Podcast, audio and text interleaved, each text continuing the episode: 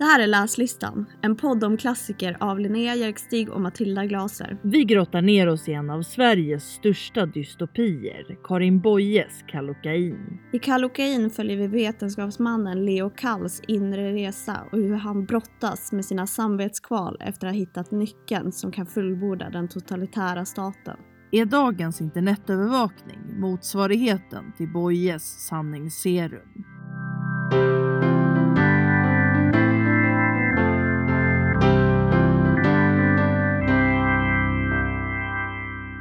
Hej Matilda! Hej Linnea! Hur är läget? Det är bra. Jag är fortfarande i garderoben. Eh, Ja, a- alltså, jag är fortfarande under filten, täcket. precis. Eh, vi spelar in från våra respektive lägenheter. Eh, PGA Corona. Mm. Eh, men eh, det ska förhoppningsvis gå helt okej. Även denna vecka. Ja, Vi har i alla fall en väldigt spännande bok att prata om. verkligen. Vi ska prata om eh, Kallocain av Karin Boye. Mm. Jag tror att det här är den första boken som vi båda två faktiskt har läst tidigare. Sen innan ja. Mm. Mm. Men som vi har läst om nu för den här podden. Mm. Hur tyckte du att det var att läsa den en andra gång? Jag tyckte att det var en eh, underbar upplevelse. Dels kommer jag ihåg hur bra jag faktiskt tycker att den är. Men sen så läste jag den, jag kommer inte ens ihåg exakt när det var men jag tror typ att det var i högstadiet alltså. Så Mm. att ehm, eh, som med många böcker så får man ju kanske lite andra eh, perspektiv och eh, bilder av den när man, eh, när man läser den. Som förhoppningsvis lite vuxnare och klokare. Mm. För mig var det faktiskt inte så länge sedan som jag läste den. Okej. Eh, men tyckte ändå, tycker oftast att en bok alltid eh, blir bättre av att läsa den en gång till. Mm, Jag tycker typ att det är- är skönt att veta det. Man blir mer uppmärksam i början och sådär när man redan vet hur boken är. Eller vad man ska säga.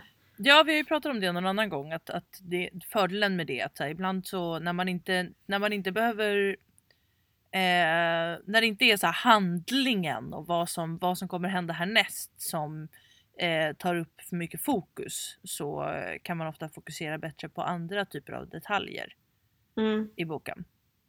Och så känns det ju lite nu. Ja, men det tycker jag också. Eh, men ska jag berätta lite kort vad, vad den handlar om?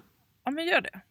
Eh, jag tror nästan att jag vill berätta om själva samhället först. För att det Mm. känns som att det är en utgångspunkt för att förstå handlingen. Men Absolut. det här romanen är ju en eh, dystopi, som det heter. Mm. Som kom på 40-talet, 1940 tror jag exakt. Eh, och den utspelar sig i ett samhälle, eller typ en stad som kallas universalstaten. Nej, det gör den inte. Den kallas världsstaten. Ja, det är grannlandet det. som heter universalstaten. Ja, världsstaten. Mm. Världsstaten. Mm. Och det är en militariserad polisstat skulle man kunna säga. Mm. Eh, och de här lever då under ett krigshot från sin, sin granne, universalstaten. Vilket gör att de lever i olika celler under jorden som skydd mot ja, men typ kärnvapenkrig som har gjort den här ytan obeboelig och ja, men de lever under jorden för att de måste det. Och under jorden så är alla de här små cellerna uppdelad beroende på hur, vad man jobbar med. Så våran huvudperson, Leo Kall, han är kemist. Han jobbar då i, jobbar och bor i kemistaden nummer fyra, som det så Mm. fint heter. Eh, och i Exakt. de här städerna så övervakas de av, ja men det kallas polisens ögon och öron. Och det Mm. upp, uppfattar jag det som är liksom fysiska ögon och öron som sitter i deras hus och lyssnar och tittar. Tänker att det är som ett sånt där öra som man hade i skolan. eh, Ja, som, som kollar ljudnivå. Ljudnivån ja Mm. jag, jag såg det också så framför mig eh, kan jag säga. Eh, som ett öga och ett öra som sitter hela vägen in i sovrummet tar sig ju den här eh, sociala kontrollen och övervakningen. Ja exakt, den Eh. är liksom överallt. Och sen övervakas de också av, ja men de har hembiträden, det finns portvakter som också är liksom ögon och öron. Fast verkliga personer som ska skvallra liksom. Precis, Det är ju ett utbrett angiverisystem kan man ju säga. Exakt, exakt. Och den handlar ju då om Leo Kall som bor i kemistaden med sin fru Linda och deras tre barn. Mm. Och Leo har uppfunnit eh, en, ett slags eh, sanningsserum som Precis. då ska fullborda den här, det här tot- totalitära kontrollsystemet. Att ingen ska någonsin kunna ljuga igen och inte heller ljuga liksom, i tankarna heller. Man ska inte få ha sina tankar för sig själv skulle man kunna säga. Mm. Eh, men ju mer han använder det här serumet på andra och får ta del av andras drömmar och tankar så börjar han också få syn på sin egen, eh, sitt eget liv och sina egna Mm. tankar kan man väl säga. Exakt. Eh, man skulle kunna eh, sammanfatta den här boken på något sätt med en omvänd variant av ett slitet amerikanskt eller engelskspråkigt uttryck. The truth will set you free och i det här fallet så känns det ju som att the truth will not set you free. Så skulle man kunna sammanfatta den här boken på något sätt. Både Mm. sett till liksom den totalitära kontrollen och att den genom det här kallokainet som det då kallas döpt efter eh, Leo Kall eh, kan utöka den sociala kontrollen och ta den hela vägen in i människornas tankar och känslor.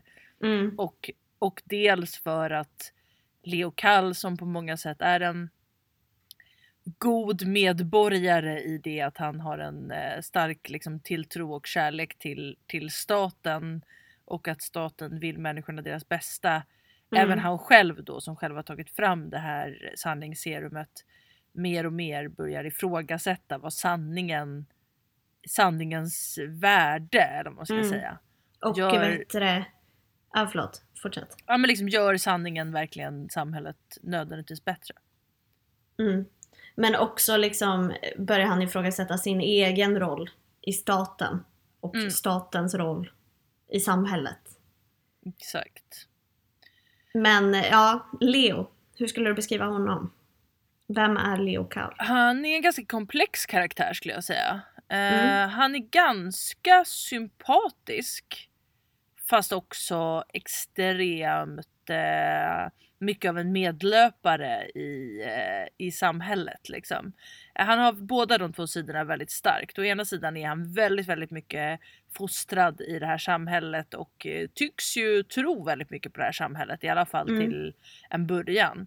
Ehm, och är väldigt dedikerad till eh, den fantastiska värld som liksom propagandan ju säger att det här Mm. är liksom, jämfört med hur det var innan. Ehm, men han är också en ganska känslosam person. Eh, Mm. Han, han liksom har olika typer av ehm, och känslor är ju någonting som inte riktigt ryms i ett sånt här samhälle. Så det är ju någonting som han redan, redan innan bokens handling eh, tar vid brottas ganska mycket med. Liksom. Att han, han har eh, ganska stark, skulle jag säga, liksom empati. Och eh, liksom eh, kan känna med de människor som på ett känslomässigt plan inte håller med om det som samhället, samhället gör. Och då tänker jag Mm. till exempel på att man skiljer eh, barn från sina föräldrar i väldigt tidig ålder eller att man har ingen möjlighet att resa mellan de här städerna så att om någon förflyttas eh, till en annan stad och en kemistad nummer fyra så har den i princip inga möjligheter att någonsin få träffa eh, sina anhöriga igen och sådär. Och det där på ett känslomässigt plan så är det där väldigt svårt för honom att förhålla sig till Mm. eh, redan från början. Och den här känslosamma sidan hos honom blir ju mer och mer av ett problem för honom. För den ställs ju mer och mer i konflikt till hans eh, eh, liksom mer eh, regeltrogna och liksom eh, eh, ja, ja, den sidan Mm. av honom som liksom vill, vill göra det staten säger åt honom att göra helt enkelt. Ja, men jag skulle också säga att den ställs väldigt mycket i konflikt till hans drivkraft. Han har ju Ja. en extremt tydlig drivkraft och det är ju liksom att jag menar, avancera i staten. Han vill ju vara Exakt. betydelsefull och komma på det här sanningsserumet och liksom bli känd skulle man kunna säga. Exakt, Och han är, ju mer makt. han är ju en karriärist verkligen. Verkligen. Och, och han verkar ju inte egentligen jätteintresserad av makt för maktens skull, tolkar inte jag det som. Utan han liksom verkar mer intresserad av det här just att liksom göra karriär. Liksom. Mm. Men också känna att han har en stor betydelse i staten. Alltså Mm. mer att han ska känna att han personligen har ett värde. Mm. Än att andra ska tycka att, eller så här, lyssna på honom är han ju Mm. inte så intresserad av egentligen. Nej, nej precis. Eh, så att, ja men en ganska komplex karaktär tycker jag. Mm. Eh, Men man skulle kunna säga att det finns typ tre viktiga karaktärer, eller tre huvudkaraktärer. ja, Och det är ju Leo Kall, hans fru Linda Kall och Rissen. Edo Ja. Rissen. Och det är eh, ja, men en form av kontrollchef. Det är Leo Kalls chef som han ska Mm. rapportera till om det här sanningsserumet. Och Leo tror också att han har en liten relation till hans egen fru Linda. ja precis. För de har arbetat tillsammans tidigare. Exakt. Eh, och, Men det är ju eh, liksom kring de tre karaktärerna som den här berättelsen kretsar kring. det är ju de enda karaktärerna som vi får lära känna på, på eller liksom få, får eh, en bild av just vad som rör sig inuti dem.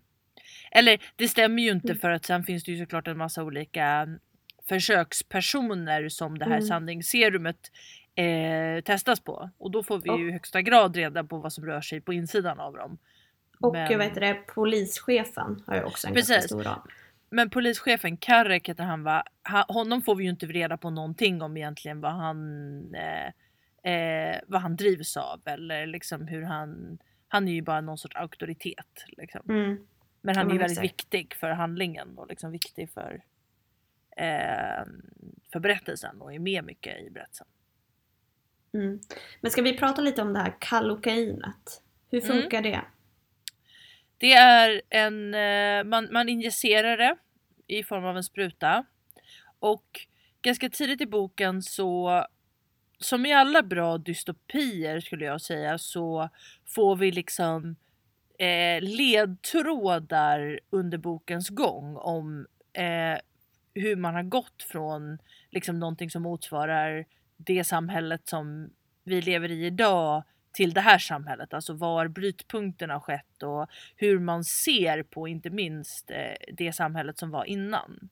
Mm. Och i det här fallet så är det ju dels tydligt att medborgarna vet väldigt, väldigt lite om vilket samhälle som de, eh, som, som de lämnade. Liksom, hur samhället Mm. såg ut innan den här kontrollstaten.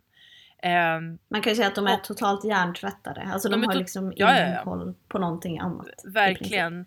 Och, och så som det väl har beskrivits för dem så är det att det samhället som fanns innan det var ett samhälle utan kultur.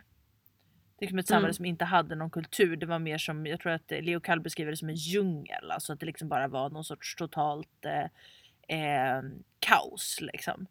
Mm. Eh, ja men något det- väldigt primitivt. Medan Exakt. deras samhälle är väldigt civilis- civiliserat och Ja. uppstyrt. Precis. Och, och, och, det, och det får man ju också reda på vid något tillfälle så är det någon som har kommit över gamla notpapper. Eh, och eh, eh, de kan ju inte människorna i det här samhället läsa. Eh, man kan inte läsa vår tids noter i alla fall. Eh, och då så säger han någonting om att ja, men om det skulle kunna gå att spela ut någon musik från de här noterna då är det antagligen någon eh, väldigt enkel och banal och dålig musik. För att eh, det är helt omöjligt för Leo Kall att, föreställa sig att, eh, ehm, att den musiken som producerades i det här gamla samhället eh, var någonting skulle ha kunnat vara någonting eh, Aha, högtstående kulturellt. Liksom. Typ. Mm. Eh, vad var din fråga? Jag tappade bort mig halvvägs. Nej men bara så här, vad var kallokainet? Men det man kan säga också ja, som det. driver den här historien väldigt mycket är ju som sagt kallokainet och experimenten på människor eh, för att se om det här kan funka. Och när de upptäcker ganska snart att när man injicerar här, den här gröna vätskan som jag tror är i olika människor så börjar de ju berätta allt möjligt hejvilt. Eh, ut, Ja. nonstop skulle man kunna säga. Eh, och Precis. då upptäcker de ju snabbt att det här funkar och då handlar mycket om eh, att få in, eller så här, eh, få till en lag eh, för förbud mot statsfientliga tankar och känslor. Just det. Precis, Så det är att liksom målet hela tiden med, med det här kalokainet. Exakt, för det är liksom den enkla användningen av det här kalokainet eh, som väl är liksom den först, som först är aktuell egentligen. Då är det väl att man ska kunna använda det i polisförhör. För Mm. att få en person som har begått brott att erkänna. Eh, och där någonstans här, det är ju såklart ur vårt perspektiv jätteproblematiskt på en massa olika sätt. Men då är det ändå ganska straightforward. Liksom att så här, den här personen nekar till ett brott, vi tror att personen har begått det. Genom det här sanningsserumet kan vi få reda på hur huruvida den har det eller inte.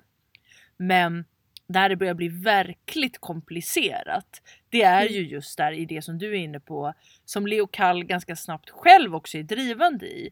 Att liksom, men om vi kan eh, lagstifta så att även liksom tankar och känslor som är statsfientliga men som man inte agerar på, om även de kriminaliseras, då kan ju det här kalokainet få en verklig effekt liksom Mm. och förändra Mm. världen.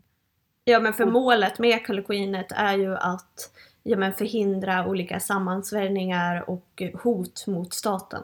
Mm. Alltså att Exakt. man ska ha ett järngrepp om alla och att man inte liksom, det ska inte finnas några små grupper som försöker bryta sig ut eller störta Nej. regimen.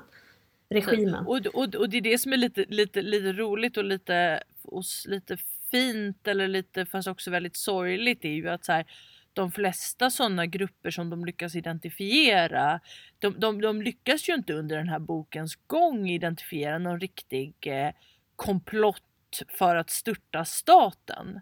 Mm. Utan alla sådana här grupper som de lyckas identifiera de tycks ju primärt bara vilja liksom så här eh, ja, men är intresserade av den gamla kulturen och liksom vill eh, förstå den och vill ägna sig åt den på olika sätt.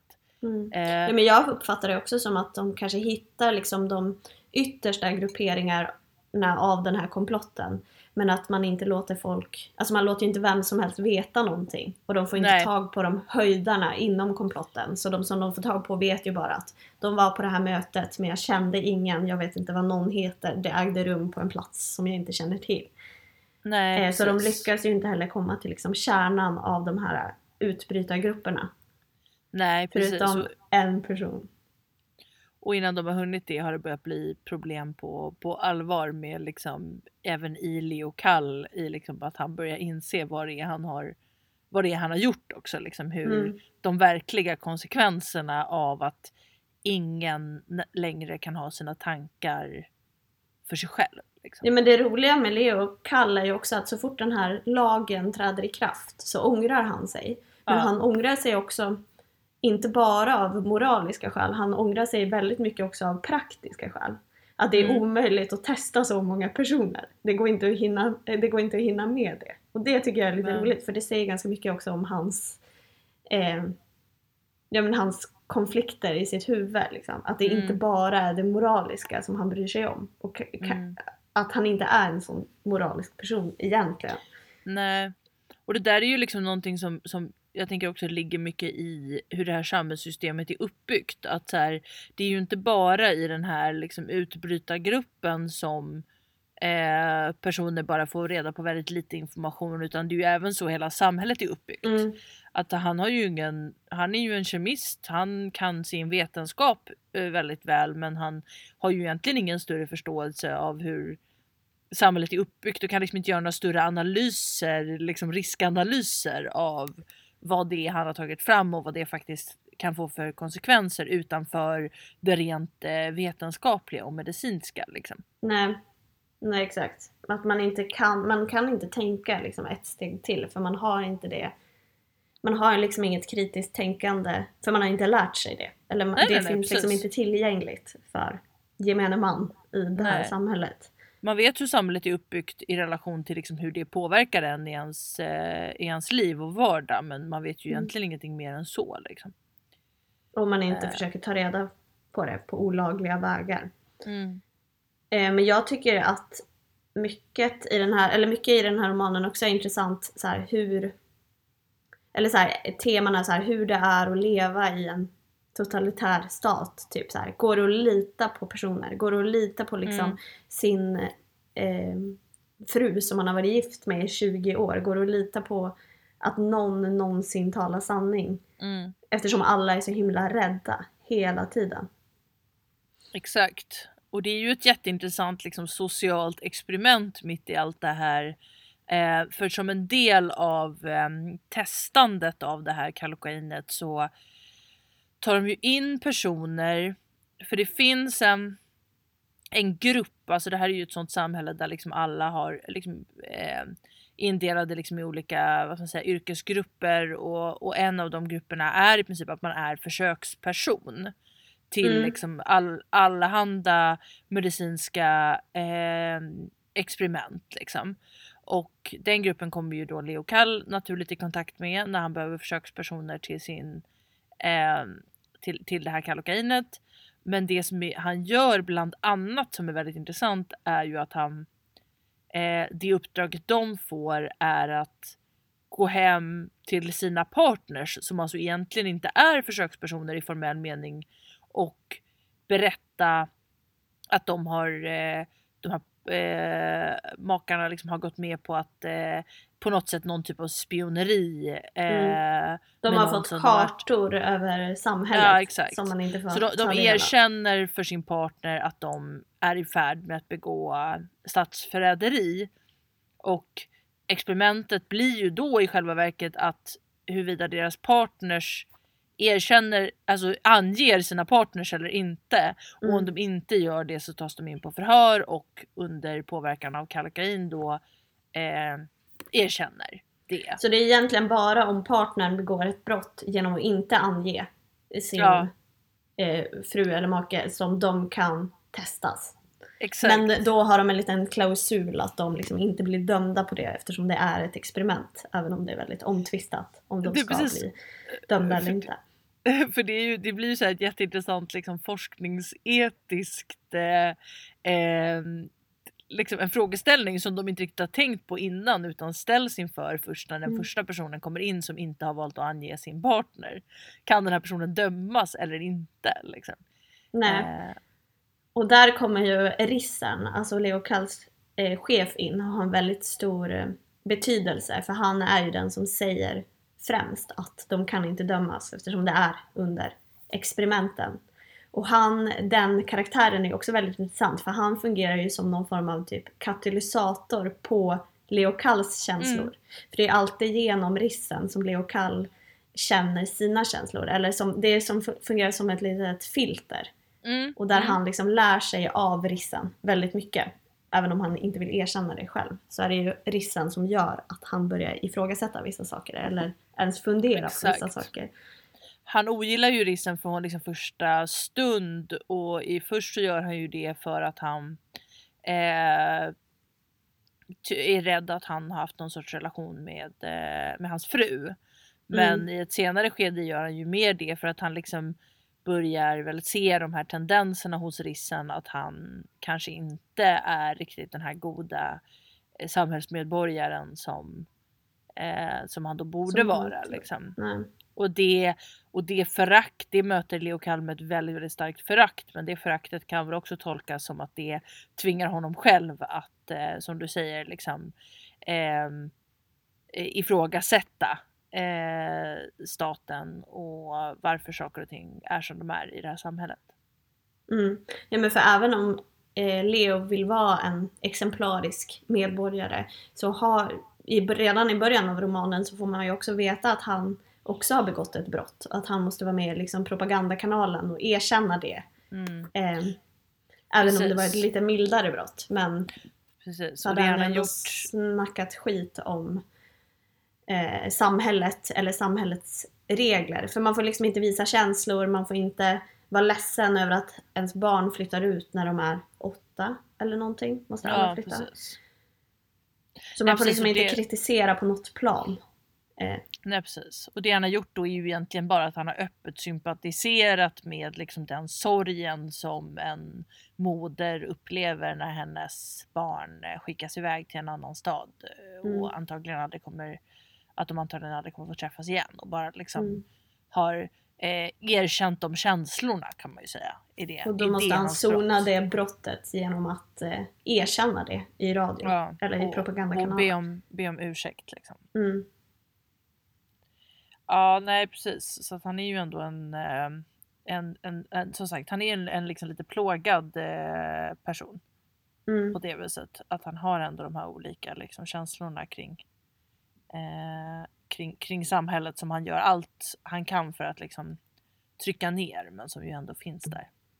Och sen liksom ju längre han jobbar sig upp desto mer ser han ju också att de som är, ju högre upp i samhället man är desto mer småbrott gör man också. Att man stoppar in en kudde i örat så att inte makten ska kunna lyssna typ. Och han tar ju efter det också under bokens gång och begår liksom värre och värre överträdelser eller vad man ska säga. Ja precis, för där spelar ju den här polischefen en viktig roll då att han plötsligt är så här, han visar plötsligt på att exakt de liksom vanliga medborgarna de gör exakt allt eh, som de ska. Eh, både för att de har blivit liksom hjärntvättade till det men också av rädsla såklart för konsekvenserna.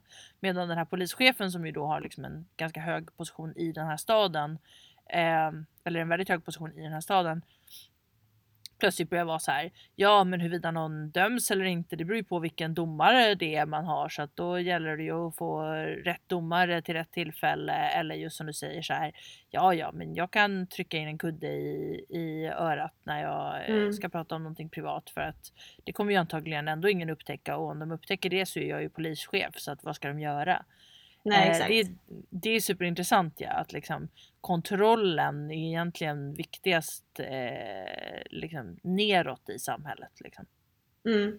Men jag tänker också på det med alla så här fackliga skandaler som har varit genom året. Att så här, ja, men om man är ordförande så får man resa lite asdyrt och köpa jättemycket vin för vad det, fackavgifterna som man får in. Alltså så här att det Ja. är så ändå det funkar och även väldigt starkt, alltså så här extremt i det här fallet såklart. Exakt. Och, och, och det är väl det som, det är väl en faktor som gör att Leo Kall ehm, Ja men att han börjar ifrågasätta samhället på ett helt annat sätt än vad han gjort tidigare tänker jag. Att, Mm. För hela hans världsbild har ju byggt på att någonstans att alla är lika under det här systemet och att alla behandlas lika och att det är för liksom the greater good någonstans. Men Mm. så är det ju uppenbarligen inte. Ja, men det som är mest spännande är ju liksom hans inre resa om så här, Mm, absolut. hans moraliska resa och resa så här, vad är rätt, vad är fel, var står jag i det här, var vill jag stå, vad ska jag göra, var, var Mm. vågar jag stå? Typ. Ja, verkligen. Den här boken skrevs ju 1940 tror jag. Eller kom Mm. ut 1940. Ehm, vilket ju är intressant för att jag tänker att ehm, alltså, jag har läst ganska många av de här klassiska dystopierna, alltså 1984 till exempel, Mm. Skön, Sköna nya värld. Eh, och till exempel 1984, det glömmer man ju aldrig för den kom ju ut 1948. Mm. Eh, och eh, det är ändå fascinerande att tänka sig att Karin Boye, primärt känd som poet, en fantastisk poet i Sverige, skrev den här boken åtta år före 1984. Mm. För George Orwell. Exakt. Ja. Men det är, Eh. det är en väldigt rolig tanke att tänka så här. Tänk om han inspirerades av henne. Nu tror jag inte att han kunde svenska men alltså det Nej, jag är vet inte om den här väldigt... boken gavs ut på, på, på engelska men det känns ju inte kanske som en sån tid då om man bara får spekulera så då kanske... Nej, inte så snabbt kanske. Nej Alltså, exakt och det är ju mitt i krigsåren också. Det är väl också någonting man kan prata om såklart att, att den här boken eh, liksom hur, hur eh, Karin Boye kan ha tänkts präglats av eh, det faktum att det pågick ett eh, världskrig under tiden den här boken, Mm. när den här boken gavs ut och att kanske framförallt åren fram till det så hade liksom Tyskland eh, gått över till att bli just en totalitär stat. Mm. En Och där hon totalitär också reste. Mm, en stund innan eh, hon skrev den här boken. ja.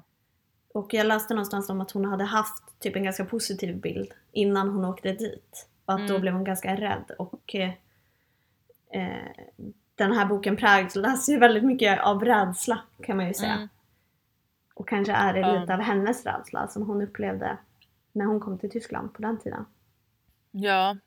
Nej men precis för det är ju en sån intressant tanke. Det är ju också det som jag tänker är jag är, väldigt, jag är väldigt, väldigt svag för dystopier överlag. Mm, jag med. Älskar dystopier. och ju mer de på ett sånt här elegant vis kopplar till vår samtid liksom och, och, och säger någonting om liksom tendenser. En dystopi blir ju som en extrem version av ett slags worst case scenario av de brister som finns i det samhället som vi lever i och de risker som vi ändå eh, har Mm. liksom i att Men det är det som gör hamna.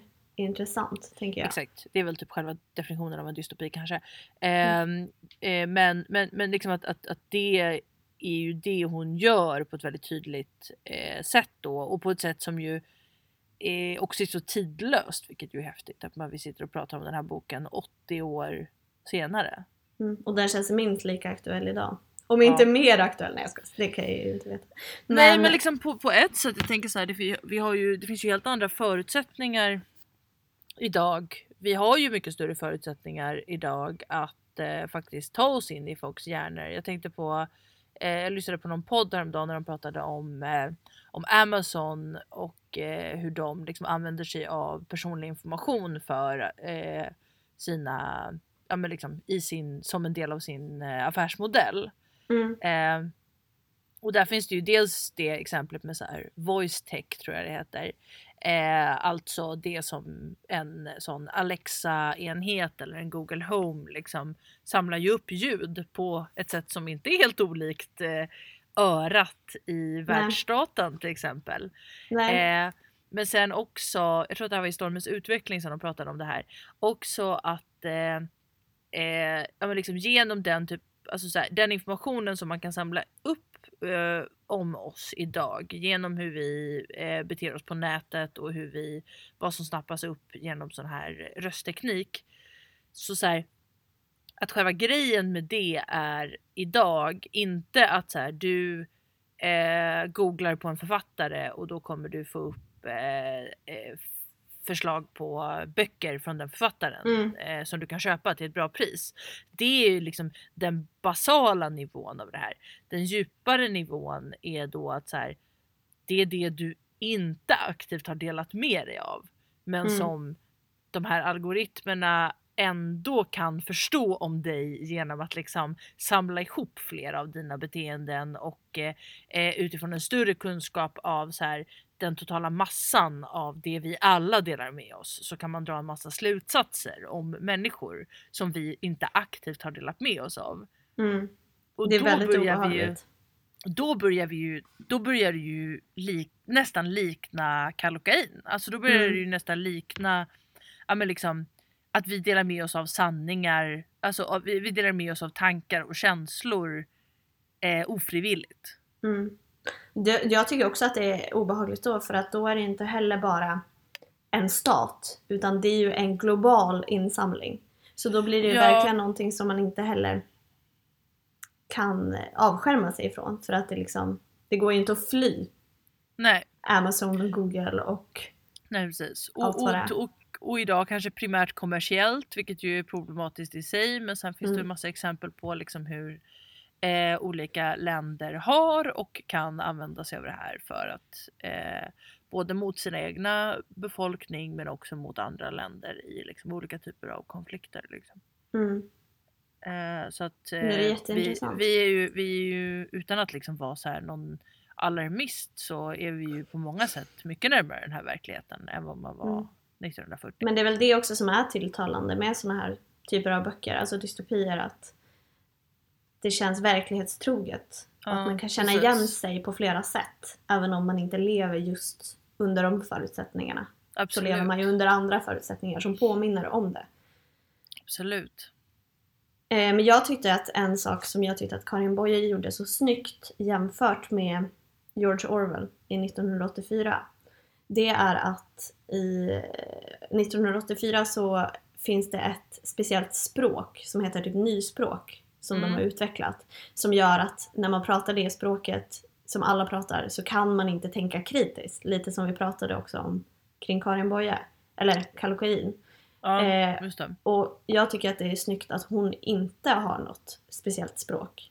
Utan Mm. att vad heter det, människorna ändå inte kan tänka kritiskt. Eftersom det. det. blir nästan mer verklighetstroget. Ja, Eh, absolut. Och då tänkte jag också lite på Tjernobyl som Ja, var så i ropet typ förra året. alltså HBO-serien. Exakt, HBO-serien.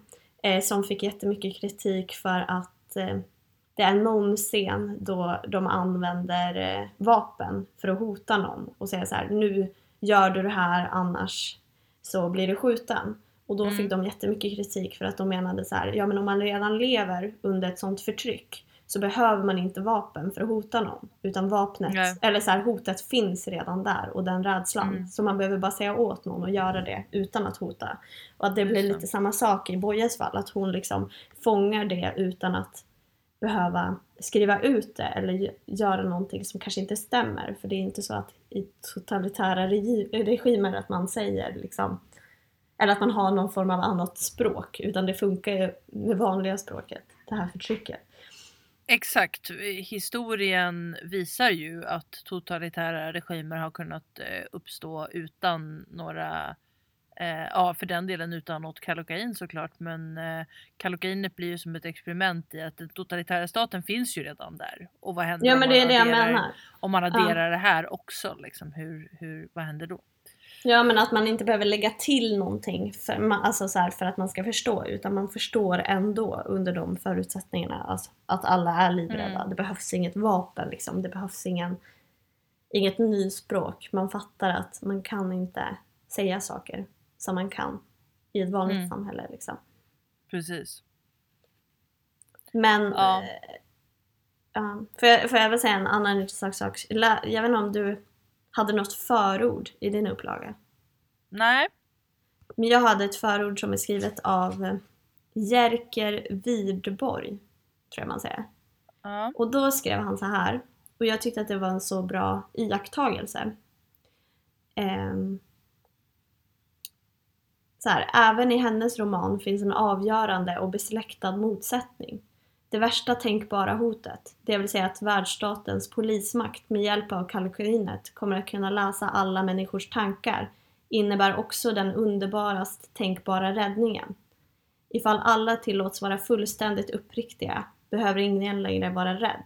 Giftet och drogen är i själva verket en läkande medicin, ett serum, och dystopin en utopi. Ja, det är ju skitintressant ja.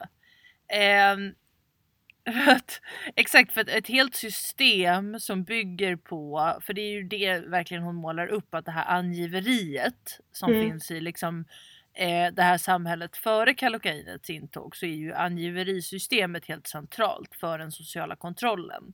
Mm. Och det är klart att om man på riktigt kan testa alla med kalokain Mm. då, då, finns det ju inget, då finns det inget att vara rädd för. Alltså det, det är ju en jättemånga människor som kommer fängslas och dödas på, på stört såklart för att de Mm.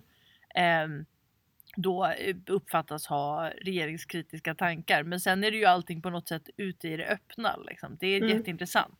Någonstans säkert kommer det ju det- komma fram att alla tycker så mer eller mindre och då kommer Ja, man kunna störta regimen.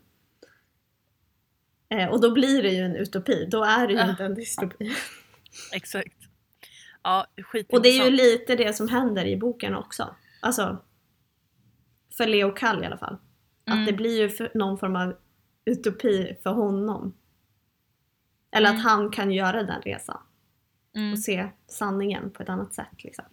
mm. Absolut. Mm, Jag älskar den här boken. Alla måste Ja. läsa den. Ja, verkligen. Snälla gör det. Jag håller helt och hållet med. Det är en underbar bok. Mm. Den, är, den är inte så tjock heller. Man kan läsa den jättesnabbt. Vad gör det? Mm. Den är en bladvändare. Ja, men eh, ska vi prata lite mer om vad vi har läst annars? Mm, absolut. Vill du börja? Min, min bok har en stark koppling till kallokain kan man väl säga. Mm. Eh, och eh, jag tänker främst eh, på Linda som i boken så pratar hon väldigt mycket om att hon vill ha just en son och inte en dotter. Och det är för att hon är så rädd för att de till slut ska komma på ett sätt eh, som gör att det bara behöver finnas män. Att man därför skulle döda alla kvinnor typ. Mm.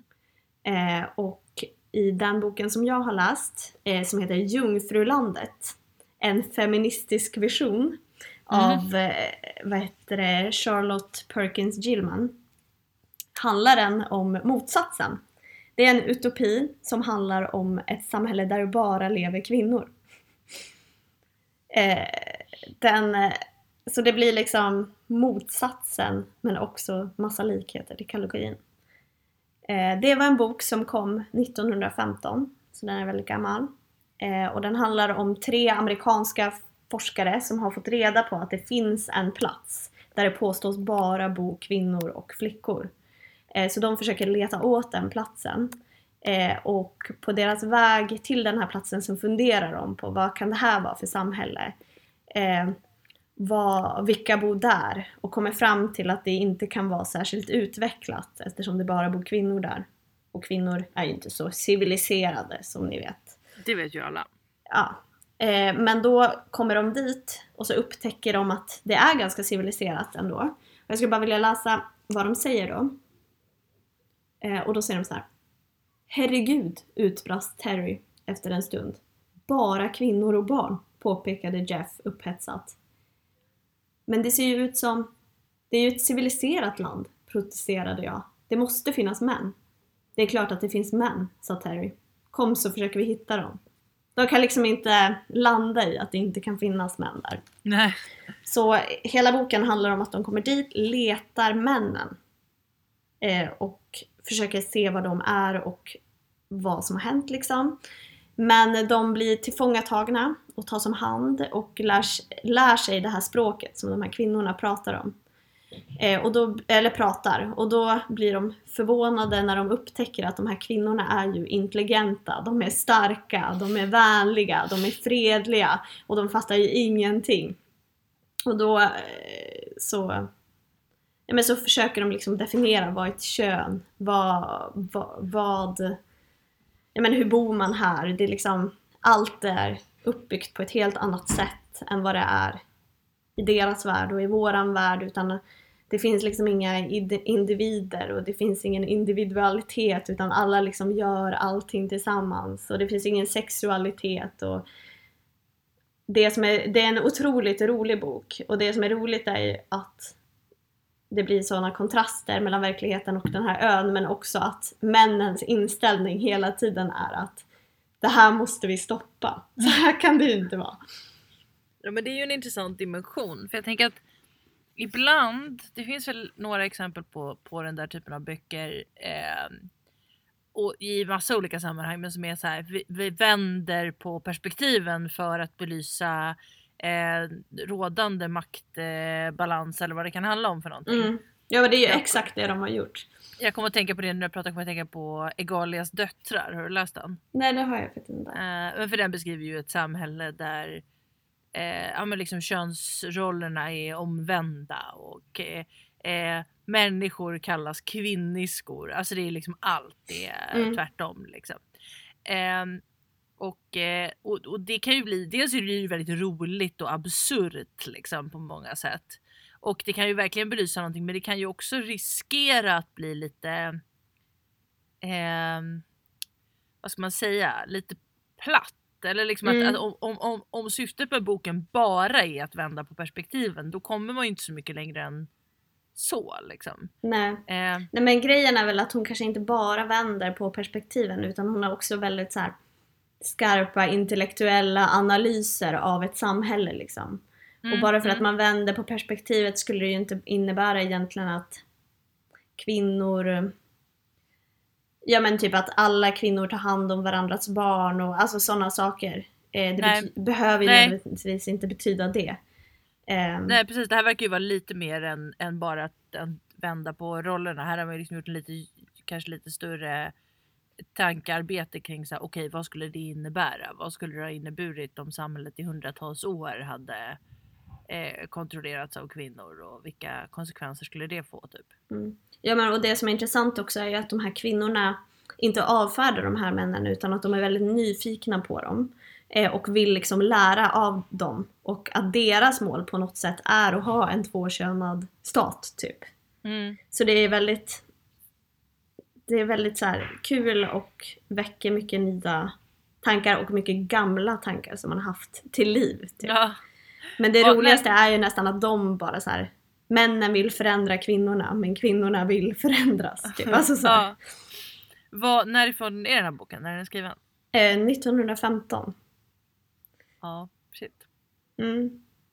Den, jag, jag hade jättemycket problem att hitta den för att jag kunde bara låna den på ett bibliotek för jag ville gärna läsa den på svenska men den fanns bara på engelska överallt utom på ett bibliotek i Stockholm.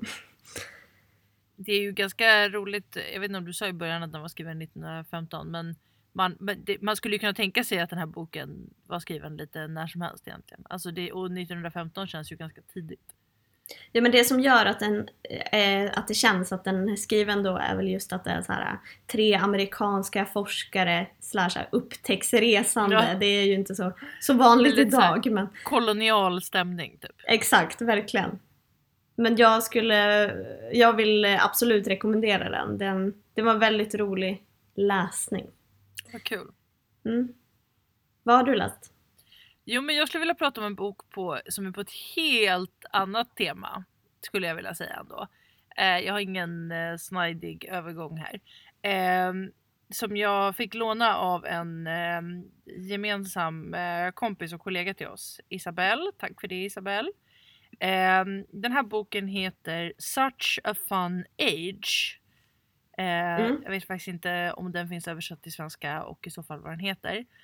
Eh, den är i alla fall skriven av en författare som heter Kylie Reid. Eh, den här boken handlar om två kvinnor. Eh, den ena av dem, Amira, är en Mm. ung, eh, 20-årsåldern, eh, svart kvinna. I, den utspelar sig i Philadelphia. Eh, hon är barnflicka åt en liten flicka i en familj och den andra karaktären som vi får följa är mamman i den familjen som heter Alex och hon är då lite äldre, eh, alltså 30-årsåldern, eh, vit, eh, bloggare och liksom någon slags lite nästan influencer. Eh, fast som liksom har, har eh, ägnat sin eh, karriär åt att eh, ja, men hon, hon är som en slags feministisk eh, influencer kan man säga Mm. som eh, har ett ganska tydligt liksom, tydlig ambition att här, stärka kvinnor och få kvinnliga kvinnors röster att höras kan man säga. Mm, Hon, okej. driver en, hon driver en organisation som heter Let Her Speak tror jag. Ehm, känns som att det var en organisation som fanns. Tror att den heter det. Ja i alla fall. Ehm, och ehm, jag jag vill liksom inte riktigt berätta vad den här boken handlar om. För att liksom, det är ett skeende ganska tidigt i den här boken som sen liksom eh, eh, sätter igång en, en serie händelser som eh, är eh, väldigt viktiga för bokens handling. Men jag skulle säga att det här är en, jag trodde att det här skulle vara mer av en eh, chick lit baserat på hur omslaget ser ut och sådär. Eh, men i själva verket så är det en ganska ganska seriös bok som eh, behandlar eh, på ett väldigt intressant sätt skulle jag säga att den behandlar temat privilegier.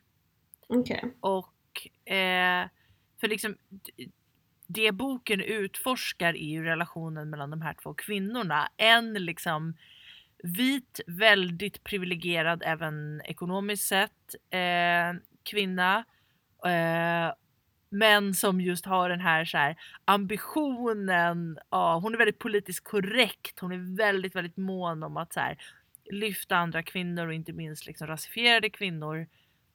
Och hur det liksom så här eh, hennes stundtals jävligt misslyckade ganska egoistiska försök att göra det. Alltså liksom Mm. väldigt mycket av vad hon gör eh, gör hon ju liksom för att, för att i någon mån för att liksom stärka sig själv och stärka sin egen position och kanske i någon mån, eh, om inte annat, liksom stilla sitt eget dåliga sam samvete över samhället. Liksom. Det blir nästan Eh. lite som boken som vi läste förra avsnittet. Lotte Böcks Ja, eh, dubbla Ja. känslor. lite så, fast kanske lite, inte riktigt så. Eh, det här skulle jag säga är liksom mer tydligt. Liksom. Okej, ja. Eh, men, men eftersom att det känns som ett så otroligt aktuellt ämne och där jag tror liksom så här, oavsett eh, på vilken sida av den här liksom, eh, dynamiken ens egen, egna erfarenheter ligger så tror jag att man kan eh, känna igen sig väldigt mycket och känna igen väldigt mycket av eh, liksom samhällsdebatten i det här. Mm. Ehm, Men det låter som att det kan vara en ganska rolig bok, eller? Ja, jo, men den är, den är ganska rolig och, eh, och väldigt tankeväckande. Men det, det som är likt faktiskt eh, eh, lärarinnans eh, sång som vi pratade om i förra avsnittet är väl just det här eh, frågan om så här, to, tolk, när man tolkar verkligheten olika. När Mm. flera individer är med om en händelse och så tolkar vi den händelsen på olika sätt. Vem har då rätt? Ja. Ehm, och, eh, och, och liksom en lång rad av såna här, så här riktigt eh, privilegierade personer som försöker, som själva tar på sig rollen som någon sorts beskyddare åt en person som inte själv har bett om att få det, det beskyddet och som kanske ur sin erfarenhet och sin upplevelse upplever att det bara skapar kanske nya svårigheter. Mm. Men Det känns som att man känner igen ganska många sådana personer. exakt. Att man ser dem lite Ja, överallt ja, ja absolut. Och, man, och, och, och själv nog är sån många gånger kan jag känna när jag läser den här boken. Mm. Ehm, och, och det som är det bästa i boken nästan är att så här, alltså alla de här karaktärerna är väldigt, väldigt komplexa och komplicerade och sen så finns det nog vissa av dem som man bildar sig en väldigt stark uppfattning om mot slutet men som fram tills dess är väldigt eh, man vet inte om man ska älska eller hata dem och det är väl det som gör dem mänskliga liksom att de gör vissa bra saker och vissa helt idiotiska saker. Eh, men väldigt, väldigt och sen tycker jag också så här en ganska stark kommentar på eh, Eh, inte minst i en amerikansk kontext men säkert även i en svensk kontext eh, finns det nog många paralleller men att den det den tar upp är väl liksom så här vita, välvilliga men väldigt nervösa och i grund och botten ganska självupptagna människors förhållningssätt till afroamerikaner i USA. Mm. Det låter jättespännande tycker jag. Eh, ja, nej men den är spännande, den är rolig och som sagt den är liksom en, den är inte, den är inte tung, den är inte tung läsning i sin form liksom utan den, den är, den ligger ju ändå i liksom genren så här, eh, någon sorts så här, samtids, eh, samtidsskildring liksom så att den, Mm. men, men, men väcker mycket av de här tankarna till liv så att eh, den kan jag verkligen rekommendera. Kul! Den får vi hugga tag i. Ja, ja. Men ska vi eh, runda av där eller? Ja, det tycker jag vi gör. Mm. Ehm, kul att få prata med dig. Mm, detsamma och kul att ni lyssnar. Verkligen. Och hoppas att ni fortsätter att ha överseende med vårat ljud. Precis. Eh, vi kämpar på. Det gör vi. Ehm, följ Ja. oss på Instagram och eh, sätt gärna betyg på oss i iTunes och så hörs vi igen om två veckor. Det gör vi. Hej då!